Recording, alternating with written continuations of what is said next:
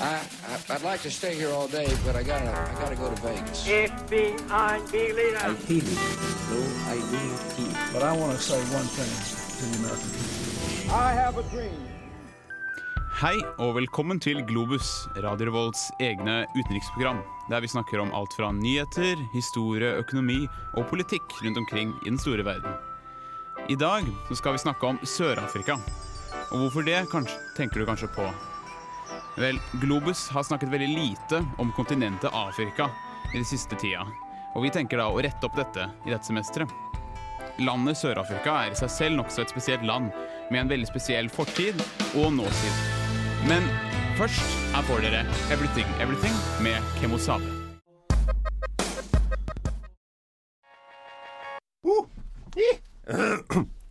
Radio Revolt. Kemosabe av Everything Everything der på Radio Revolt. Du hører på Globus, utenriksprogrammet i Radio Revolt. Så vi kan starte da med forhistorien til Sør-Afrika. Eh, Det har jo vært et eh, Det er jo kontinentet Afrika som mange mener er jo menneskehetens vugge. Så Vanja, hva har du å si til det? Ja, hei hei, jeg heter Vanja. Det er det at um, dette området av Afrika ble uh, bosatt veldig, veldig, veldig tidlig i en sånn verdensskala. Eh, for rundt tre millioner år siden så migrerte de første, kan kalle det, liksom forløperne til mennesket, da. Eh, apelignende individer til dette området av Afrika. Og eh, og etter hvert så tok altså mennesket, eller Homo sapiens, over. Og, og man mener at så tidlig som for 100 000, 100 000 år siden så, så bodde det eh, Homo sapiens i dette området av Afrika. Og det er bevist da, at mellom 25 000 og 40 000 år siden så bodde det altså eh, en befolkning kalt buskmenn der. Eh, så så den, det går veldig veldig langt tilbake i tid, men det fins veldig lite eh, rester igjen av denne befolkningen som bodde der. De har etterlatt seg veldig lite, da, men funnet en del hulemalerier på det da, som kan, man kan stadfeste at de bodde der for minst 25 000 år siden. Så det er ganske tidlig. Ganske lang eh, historie. Ja, vi vet, vi vet jo at uh, Det det er i hvert fall vi eh, som teoriene sier, og historikerne sier, at menneskene har jo da vandret fra Afrika og så be, eh, befolka de fleste områdene, i hvert fall i Europa og Sørøst-Asia. Men eh, til mod mer moderne tider, eller slags middelaldersk moderne tider eh, Vi har også Oskar her i studio. Hei sånn Og du kan jo fortelle oss litt om tida rundt eh, Sør-Afrikas eh, skrevne historie.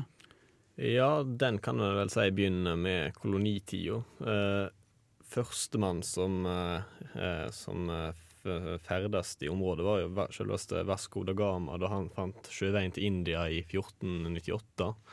Og Portugal hadde noen små eh, forsyningsstasjoner i området uten at Sør-Afrika på noen måte var en koloni. Eh, Men eh, nederlenderne kom til området på 1600-tallet. De, eh, de grunnla da Cape Town. Først var det òg som en forsyningsstasjon. Etter hvert så utvikla det seg til en, til en handelsstasjon, og videre som, som en by. Og så kom britene òg seinere. Og britene og nederlenderne krangla veldig om området. De utkjempa to kriger på 1800-tallet om eh, Sør-Afrika. Eh, det vil si, eh, ikke Nederland som stat, men etterkommerne etter de nederlandske innvandrerne, som blir kalt boerne, som ønsket sin egen stat. Og britiske kolonister støtta da, eller selvsagt underlagt den britiske krona, som ville underlegge Sør-Afrika Storbritannia. Så på 1800-tallet, så eh, 1880 til 83, eh, eller på 1880-tallet i alle fall, da eh, greide boerne å nedkjempe et britisk forsøk på å innlemme Sør-Afrika i det britiske koloniriket. Mens eh, rundt 1900, eh, den andre boerkrigen fra 1898 til 1901, da greide Storbritannia å ta kontroll. Ja, og det, det var jo da resultatet i at uh, britene hadde da en slags midlertidig uh, kontroll av kolonien. Men eh, Eh, Sør-Afrika ble jo da uavhengig i 1961, hvis jeg ikke tar feil. Og etter det så har jo da historien til Sør-Afrika hatt en svært uh, dramatisk vending, Uh, både i go gode og onde vendinger. Og da har vi jo selvfølgelig Vi kommer da til å snakke senere da om apartheid, om da om fremtida og nåtida i Sør-Afrika. Men før det så får vi Tau and The Get Down Stay Down med City. Hei, det her er Josten Pedersen på Radio Revolt. Radio Revolt, 12 points. Tao Get Down Stay Down med City her på Radio Revolt. Vi skal snakke litt videre da om eh, kolonitida i Sør-Afrika. Fordi selv om det ble en, eh, var en nederlandsk koloni og så til slutt en brit- britisk koloni, så kunne fortida ha gått ganske annerledes, ikke sant? Eh, ja, for jeg tenkte på det du Oskar sa jo det at Vasco da Gama og den gjengen der var veldig tidlig ute i det området der på 1400-tallet. Uh, uh, de var der veldig lenge i det området med skip. eh, men, og de hadde ikke noe særlig konkurranse i lang tid. Da. De holdt på der i lang tid. Men, men Portugal gikk aldri sånn ordentlig i land i Sør-Afrika. De, de slo seg ned i Angola, Mosambik. Eh, altså de seilte videre fra Sør-Afrika til Mosambik pga. at eh, Mosambik var et mye mer fruktbart land i deres øyne. Det var, det var steinete og vanskelig å komme i land da, rett og slett i Sør-Afrika. Kanskje det, det som var grunnen til at det skipet gikk på grunn med nederlendere i 1646-47. ja. Sånn at eh, det kunne jo godt vært eh, Portugal som hadde sittet igjen med en liten kolonimakt, liten, på sørspissen av Afrika. Det kunne fort ha skjedd. Mm, Portugal hadde jo, som du sa, flere kolonier i Afrika. Angola og Mosambik er det viktigste. Og Portugal var jo òg en av de kolonimaktene som var senest ute med å la koloniene frigjøre seg. Helt så seint som på 70-tallet så utkjempa Portugal eh, kriger i koloniene sine for å, for å hindre at de løsrev seg. Eh, mens eh, Sør-Afrika, som jeg nettopp nevnte, de eh, fikk eh, lov av Storbritannia til å gjennomføre en folkeavstemning da, allerede i 1961, der de sjøl kunne bestemme hvilken styreform de ville ha. Valgte da en eh, republikk, og altså rev seg med det helt fra Storbritannia. Men uh, i den folkeavstemninga var det da selvsagt bare hvite som hadde lov å stemme, uh, som uh, Sør-Afrika selvsagt er kjent for sitt apartheidstyre som ble innført legalt, kan du si, da, etter, etter den løsrivinga. Ja, altså, altså disse nederlenderne som da opprettet denne forsyningsstasjonen da, etter hvert, eh, um, som ble da Kapstaden eller Cape Town. De, fra, helt fra starten av så var det jo dårlig forhold mellom de og innbyggerne. Altså det var et handelsforhold der, men det var, det var ikke noe vennlig eh, relasjon mellom eh, Da var det koi Hvordan man uttaler det? Koi Det, det, det urfolket, da, i Sør-Afrika. eh, så så grunnstenen var jo Ja, urfolk, eh, lokalbefolkninga, ble jo helt neglisjert av kolonistene fra første eh, stund, som i, eh, som i alle andre kolonier, kan en vel si, på det viset. Eh, Det som ble spesielt med Sør-Afrika kontra andre afrikanske stater etter hvert, var jo at det var ei veldig stor eh, hvit befolkning, eh, oppi 20% muligens på begynnelsen av 1900-tallet, eh, som styrte absolutt alt. Så selv etter at eh, Sør-Afrika ble løsrevet, så var det jo de hvite som hadde all makt. Eh, og i begynnelsen så hadde de hvite så stor økonomisk makt og politisk makt at det ikke var nødvendig med noen nedskrevne regler for hva, hva den svarte lokalbefolkningen kunne foreta seg, for de hadde uansett ikke mulighet til å kunne komme seg opp og fram i samfunnet. Mens etter hvert så ble det nødvendig med mer og mer strenge regler for hva, hva svarte og hvite kunne gjøre, eller hvor de kunne omgås. Eh, For hvis ikke var de hvite redde for at eh, de svarte kunne komme seg inn på, eh, skal si, komme seg opp i makthierarkiet. Ja, så, sånn er- ser man jo alltid når, når det har vært kolonisering, at den hvite mann er mye mer organisert, mye bedre organisert, mens den svarte befolkningen, eller urbefolkningen da, i disse landene, gjerne er veldig det det er små grupper, det er veldig egalitære liksom, politiske forhold. Eh, De stiller jo veldig dårlig, men etter hvert så vil de jo begynne å på en måte skjønne spillereglene. Og da, som du sier, er det jo behov for mer eh, nedfelte lover og regler.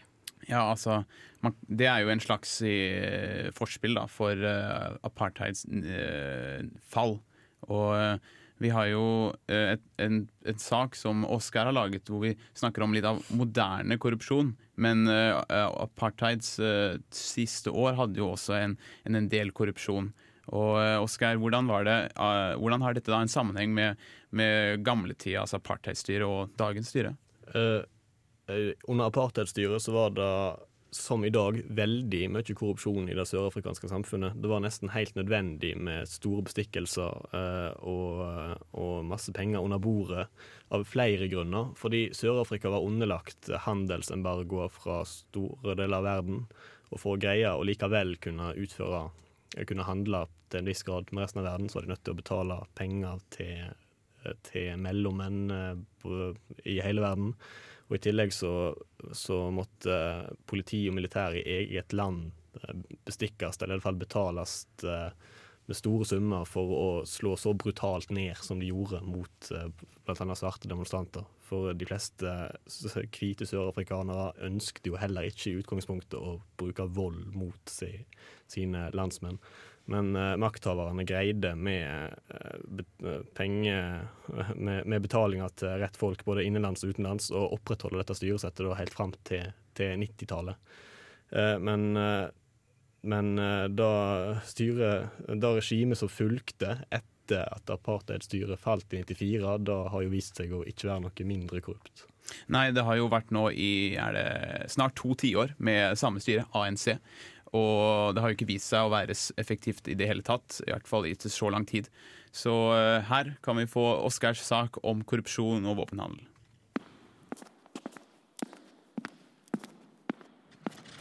På en militærbase i Sør-Afrika står en stor hangar som inneholder alt det som trengs av bevis for at dagens styresmakter har hatt helt andre ting i tankene enn helsevesen og infrastruktur når de har utarbeidet statsbudsjettet de siste åra. Flere titalls svindyre jagerfly står på rad og rekke, mange av de har ikke vært i lufta på mange år. Det er nemlig nesten ingen piloter i Sør-Afrika som vet hvordan de skal operere denne flytypen. Likevel brukte lederne i landet i 1999 et beløp tilsvarende rundt 10 milliarder kroner på disse flyene. Samtidig investerte de i annet mer eller mindre unyttig militært utstyr til en samla pris på omtrent 100 milliarder kroner. Sør-Afrika har mer enn nok å bruke penger på om de ikke skal sløse vekk halve statsbudsjettet på våpen ingen i landet kan bruke. Så hvorfor gjorde de dette? Den tidligere ANC-politikeren Andrew Feinstein har gått våpenkjøpsavtalene etter i sømmene og funnet ut hvordan hans egne partikamerater, dagens maktelite, lot seg kjøpe av europeiske våpenprodusenter som frister med store summer i korrupsjonspenger. Allerede før apartheidregimet sitt fall i 1994 begynte representanter for disse våpenprodusentene å ta kontakt med ANC-politikere som var i posisjon til å kunne bli ministre og statsledere etter de første demokratiske valgene i 1994. Noen av de som fikk lukrative tilbud, var kommende forsvarsminister Joe Modise og dagens president Jacob Zuma. Ifølge Feinstein ble totalt over 1,5 milliard kroner betalt i korrupsjonspenger til sentrale politikere, mot at de skulle sørge for at den sørafrikanske staten kjøpte våpen og militærutstyr for 100 milliarder kroner. Korrupsjonspenger gikk både rett i lommene til politikere og mellommenn, i tillegg til at eh, store summer gikk inn i ANC sitt partimaskineri. Før valget i 1999 var ANC i pengeknipa og hadde i tillegg mista mye popularitet. En av motivasjonsfaktorene for mange av politikerne som lot seg bestikke, var å redde ANC fra valgnederlag i 99. Da greide de, og etter den tid har ANC festa grepet om sørafrikansk politikk.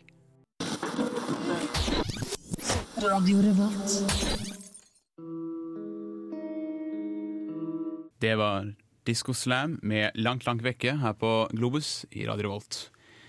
Eh, så Oskar, det jeg hører her fra saken, er jo at, at ledelsen i uh, Sør-Afrika er rett og slett helt opp til halsen med korrupsjon og bestikkelser?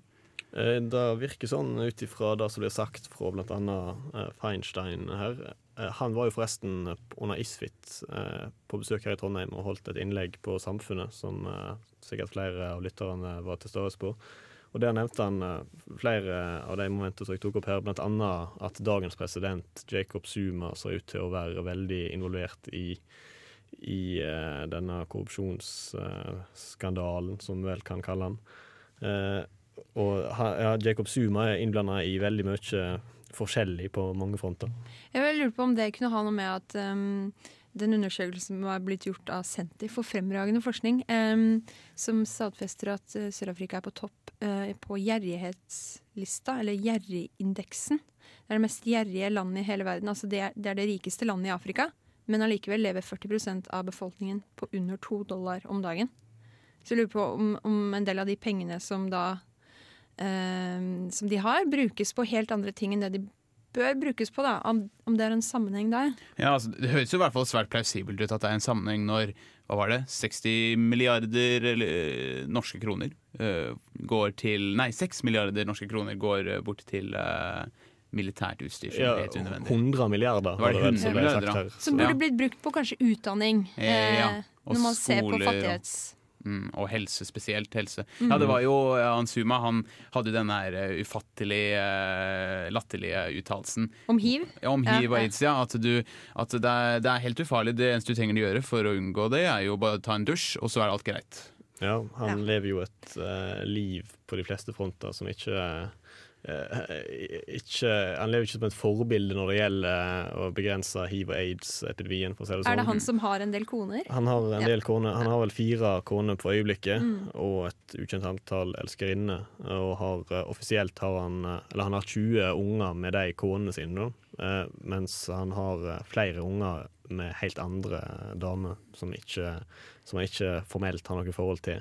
Så han eh, lever et ekstravagant liv som eh, Tom Christiansen i eh, NRK omtalte det som en klassisk afrikansk big man. En, Ja, eh, nettopp. Høvdingliv. Ja. mm. I Afrikas rikeste land, altså. Det er fantastisk. Ja. Eh, I tillegg så kan man jo se likheter til uh, ANC i dag, sånn som i før. På, under apartheidtida så var jo slik at ANC, som var ulovlig, et ulovlig parti, måtte jo holde seg skjult. Og kunne da ikke ha noe offentlig eh, eh, møter eller gjør noe offentlig.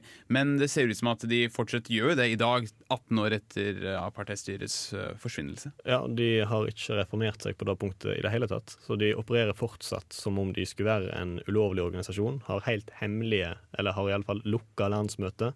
Ingen fra utenomverdenen vet hva som foregår bak eh, de, de lukka dørene. Eh, og da ligger jo forholdene perfekt til rette for eh, både for korrupsjon og for at enkeltpersoner kan, eh, som Jacob Zuma, kan eh, tvinge eh, folk til å stemme på han på ulike vis sånn at en ikke får en demokratisk prosess internt i partiet i det hele tatt.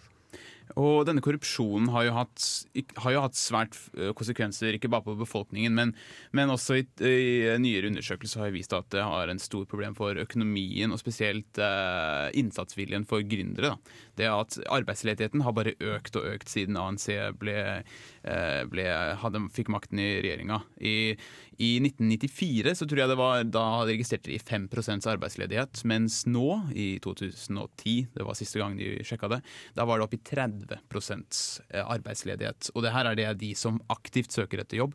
Og de som har gitt opp, har jo, tenker de at det er ca. rundt 40% av hele populasjonen som da til sammen da ikke har arbeid. Og man kan jo tenke seg at uh, en av grunnene som de nevner, er jo at uh, det er så mye kriminalitet og korrupsjon i Sør-Afrika at ingen uh, investorer tør å investere i landet. Ja, kriminaliteten er et enormt problem, både som du sier, for investorer og for samfunnet generelt. For eh, Sør-Afrika er det landet i verden med flest drap per innbygger, og flest eller nest flest eh, voldtekter per innbygger. Eh, og, og med nå, parallelt med at arbeidsledigheten har steget, så har òg kriminalitetsratene steget. Eh, og det ser ikke ut til at det blir noe bedring på det punktet der heller. Nei, Det ser ut som at de, at de rett, og, slett følger hverandre. De har økt eksepsjonelt øh, med i lik grad. Eh, vi, har også, vi har også sett litt på Sør-Afrikas uh, uh, nyere historie med hvordan fremtida kan være. Eh, jeg, jeg, så litt, eh, jeg så litt på hva de har sett med, med dette her med kriminalitet og økonomi og arbeidsledighet. Og de forventer at eh, Sør-Afrika kommer til å ha en sånn 1-2-3 eh, økonomisk vekst. Det er det de tenker seg. Men hva tenker dere? Tror dere at Sør-Afrika kommer til å fortsette med f.eks. ANC og en uh, minimal økonomisk vekst, eller vil det gå nedover igjen? Altså nå har jo eh, ANC for første gang I 2009 så gikk jo ANCs eh, valgoppslutning for første gang tilbake. Eh, det har brutt ut sidegrupper ut av ANC.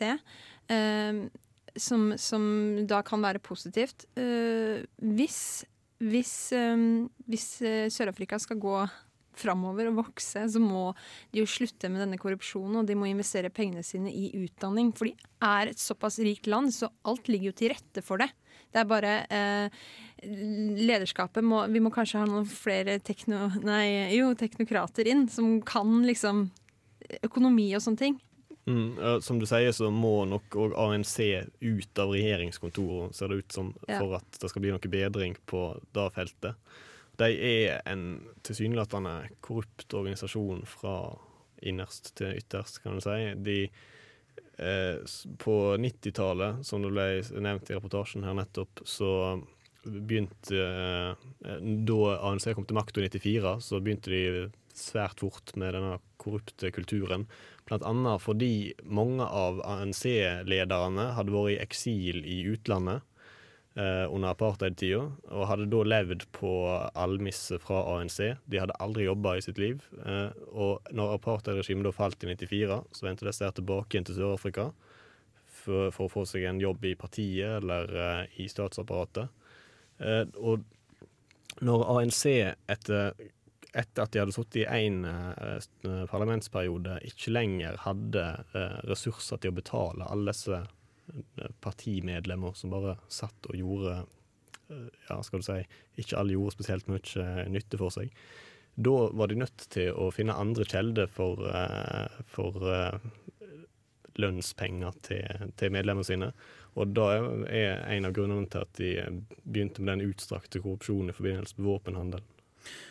Ja, det er jo også et tegn i dag som, eh, som, uh, De har jo hatt noen slags undersøkelser for å se hvor mange som lever i slummen. Og det er ganske skremmende tall. Uh, de forventer at minst 25-30% av den svarte befolkningen lever da i slummen og total fattigdom.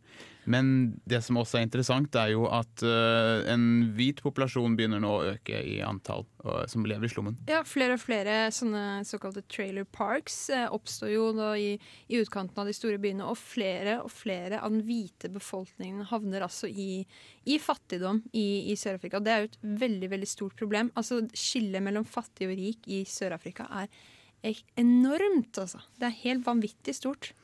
I tillegg så er det Det, det har jo vært uh, Gjennom ANC så har jo noen uh, privilegerte fått en slags middelklasses luksus forhold til hva de hadde før. Og jeg sjekket på en reportasje hvor det var en 23 år gammel kvinne som først levde hele livet sitt helt opp til 18 år som, i slummen. Og så ble faren og hans, hans, familie ble involvert i ANC, og da gikk de rett ut av fattigdommen til til å uh, bo inni disse her compoundene, eller disse her hvite slags byene med Communitas. Ja, communitas ja. For det er visst inni i eh, disse, for eksempel Cape Town, så er det inni så er det en slags uh, fort da, hvor alle de hvite bor med egne kjøpesentre og butikker. Og, Skoler og ja. sikkerhetsvakter og, og, murer. Høye murer. Mm. En, en, en trist utvikling. Ja, det er en, en helt total segregasjon og separasjon av befolkningen som absolutt egentlig ikke var målet til ANC i det hele tatt. Eh, vi skal fortsette å snakke litt mer om Sør-Afrika etter Gold Soul Theory av The Underachievers. The Underachievers med Gold Soul Theory det her på Radio Revolt. Du hører på Globus, utenriksprogrammet på Radio Revolt. Hvis du har noen spørsmål til oss her i Globus, eller om du ønsker noen saker eller nyheter som bør tas opp, eller om du har kritikk eller positivt å snakke til oss, så send oss gjerne en eh, e-post på globus at radiorevolt.no. Det var globus at radiorevolt.no. Tilbake til Sør-Afrika. Eh, Vi har jo snakket nå veldig mye om eh, fortida til Sør- Sør-Afrika og nåtida, og muligens da fremtida. Da har vi jo også en quiz som handler om Sør-Afrika. Ikke Ja. sant, Vanja? Selvfølgelig. Jeg har satt sammen en quiz. Eh, prøvd å, å gjøre litt sånn kronologisk. Eh, historisk quiz, Mhm. forhåpentligvis. Eh, så skal jeg prøve å ta og holde poengene. Men jeg har ikke noe å skrive på. Men vi, vi tar det sånn på skjønn, tenker jeg. Eh, så da tenker jeg vi bare setter i gang med quiz, jeg. God kveld. Det er en glede å kunne ønske velkommen hit til det nye kulturhuset på Finnsnes til eh, Kvitt eller dobbelt.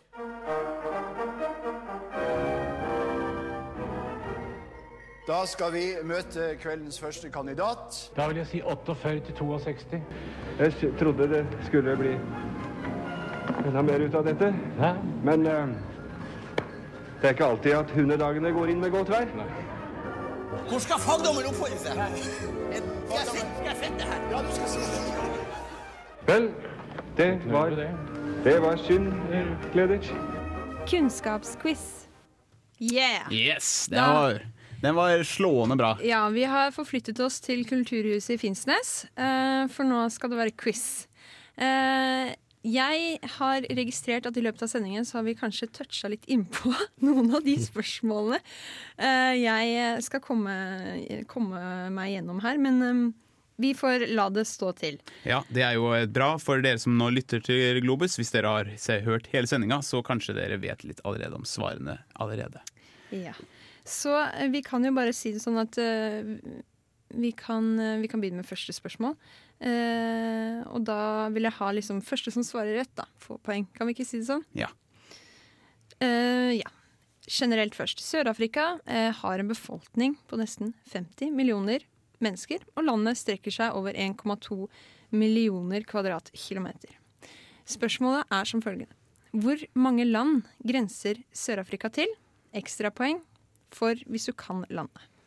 Ja, da blir det jo Mosambik og Svasiland, Lesotho, Ja, kan du si eh, Lesotho. Zambia, Botswana, Namibia Ja, og Zimbabwe. eh, det er kjempebra. Knut, du er meget taus. Ja, jeg, jeg hadde jo ikke lyst til å avbryte. Oskars eh, velstående tale Oskar, om land. poeng. Vi grenser jo da til til ja, alle andre land eh, sør for eh, skal du si, Angola, Kongo i det subsahariske Afrika. Så det er jo, de har en, en viktig geopolitisk faktor i området. Eh, både som vi har snakket om tidligere, økonomisk og militært. Men at de har så mange naboer, gjør jo òg at de har uh, mulighet til å ha innflytelse på mange felt. Absolutt, og de, de omslutter jo også et helt land totalt. Uh, Lesotho, som ligger midt inne, ikke midt inne, litt øst i Sør-Afrika. Ja, verden, Mm. verdens høyestliggende land. Ja, veldig spesielt Uh, både det du sier med høyt, og at det er omsluttet av et annet land. Det er ikke mange andre land som er det. Neste spørsmål. Sør-Afrika har elleve elleve offisielle språk, og blant dem er tegnspråk, som er anerkjent ikke offisielt, men i Grunnloven. Som ett av veldig få land da, har Sør-Afrika anerkjent tegnspråk. Eh, men spørsmålet er kun to av disse elleve språkene ble anerkjent av apartheid-regjeringen. Hvilke var det? Afrikansk og engelsk er jeg ganske gøy på. Ja, det er riktig. Afrikansk er jo da et veldig spesielt språk. Det er jo slags eh, som, ble- altså det, det er sånn nederlandskaktig eh, språk med låneord fra, fra stammespråk i Afrika. Jeg tror det er swahili og zulu, tror jeg. Jeg husker ikke. I hvert fall swahili. Eh, Men eh, de har jo das, eh, Afrikansk har jo utvikla seg fra, fra nettopp nederlandsk eh, da de nederlandske kolonistene slo seg ned i Sør-Afrika på 1600-1700-tallet. Så etter den tid så har de levd såpass isolert fra Nederland at de har beveget seg i en egen retning. Men eh, fortsatt er det veldig nært beslekta med moderne nederlandsk. Du ser jo det med en gang du, du leser en, eller ser en tekst på afrikansk, så ser du at det er veldig, veldig likt slik, um, slik nederlandsk framstilles da, for oss som ikke, nødvendigvis ikke kan nederlandsk, men kjenner det igjen. Eh, det er også en del låneord fra portugisisk, portugisisk i afrikansk, bare så det er sagt. Poeng til Knut. Yes! yep, yep, jepp. Allerede, neste spørsmål. Allerede for tre millioner år siden uh, slo de første menneskelignende innbyggerne seg ned i Sør-Afrika. Men hvilket moderne folkeslag, altså Homo sapiens, var de første som migrerte til Afrikas sørligste områder, og når? Oi. ja, noe bantu-folk, men det kom kanskje seinere. Zulu. Ja, Zulu Det har vi også vært inne på i tidlige sendinger. Kanskje det var Xhosa.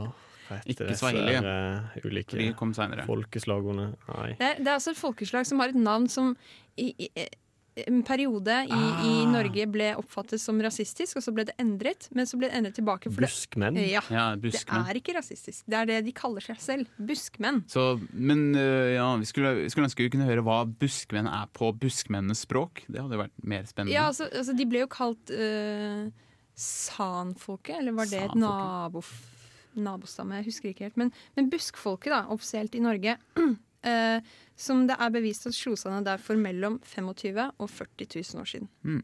Faktisk. Og buskfolk lever jo òg i eh, de tilgrensende landene som Ja. nevnte i Ja. stad, Botswana blant annet, Mm. og Namibia. Mm. Og i deler av Kalahari- Kalahari-ørkenen som ligger nettopp i Sør-Afrika og Botswana, så fins det eh, buskmenn som lever, lever på tilnærma samme vis som de gjorde da de kom for eh, 25 000 år siden til området, selv om de selvsagt i nyere tid har eh, møtt den moderne verden, de òg, så er det fortsatt eh, folk som lever på skal du si, oppri opprinnelig eh, vis. Jeg lurer på om de er på en eller annen måte freda med å ha egne slags Hva skal man si? At de, har, at de bor innenfor at de bor innenfor naturreservat. Jeg har hørt om det er noen i hvert fall noen sørafrikanske stammer som bor innenfor naturreservat for å unngå eh, moderne verden, på en måte. Mm, mm, absolutt. Eh, vi går videre. Eh, hvilket land var det første til å seile rundt Kapp til Gode Håp, og hvilke land var de mer interessert i å kolonisere enn Sør-Afrika? Det var jo portugiserne, så med. Vasco da Gama i spissen, så Ja. Hvilket land var de mer interessert i å kolonisere Ja, Mosambik var de jo mer interessert i å kolonisere, men Ja. de eh, var jo ute etter sjøveien til India da, først og Mm. fremst, og Mm. Vasco da Gama seila rundt Kapp eh, til Gode Håp Nei, eh, jo, Mm. i 1498. Hvem var det som uh, Har noen det på tunga hvem som først navnsatt Kappet som Kapp til gode håp? Det, om det da var en tidligere Fordi de hadde jo forsøkt i lang tid å komme seg rundt, men øh, de bestemte seg for å gjøre det da. Eller ja, de var en av de første. Eh, altså det, det navnet stammer jo av at eh, det er jo ikke det sørligste punktet, det blir oppfattet som Men, men, men eh, der begynner Altså der kan du begynne å seile vestover, da. Eller der kan du Mm. virkelig begynne å svinge. østover hvis Sånn du skal ja, mot India. Eller østover. Sånn at eh, det, det området ble da kalt Kapp til gode håp, fordi da mm, hadde du kommet deg rundt der, så kunne du ha godt håp for å, for å komme deg videre. Men, men du sier det med Vasco da Gama. Um, det første som, som eh, Det første å seile rundt Kapp til gode håp, var den portugisiske oppdageren Bartolome Diaz i 1488. Kanskje ikke så kjent. Dæven. Uh, ja. Videre, eh, nederlenderne var de første, til å, eh, første europeerne til å bosette seg i området på Afrikas sørspiss. Det var i starten en gruppe som gikk på grunn med skipet sitt utenfor dagens Cape Town. Det var i 1647. Men når og hvorfor regner man med at Sør-Afrikas moderne historie startet? For det var ikke i 14, nei, 1647. Det var noe senere. Var det på 1680-tallet, kanskje? Var det ikke det at det, ja, altså det må jo ha vært rundt den perioden fordi at eh, de, eh, nederlenderne og de hvite som bodde der, begynte jo å få litt mer eller mindre eh, selvstendig makt. Siden de ble til slutt eh, splittet og, fra Nederland, og de begynte med sin egen historie. Så jeg tenker vel det er vel uh, i starten av boernes, uh, boernes re regjeringstid. Altså, altså, hvis jeg sier at det, det var i 1652, hva var det som skjedde i 1652? Da ble det oppretta en forsyningsstasjon i eh, der dagens Cape Town ligger. Ja, nettopp. Nettopp. Og Mm. disse, disse Poeng til Oskar.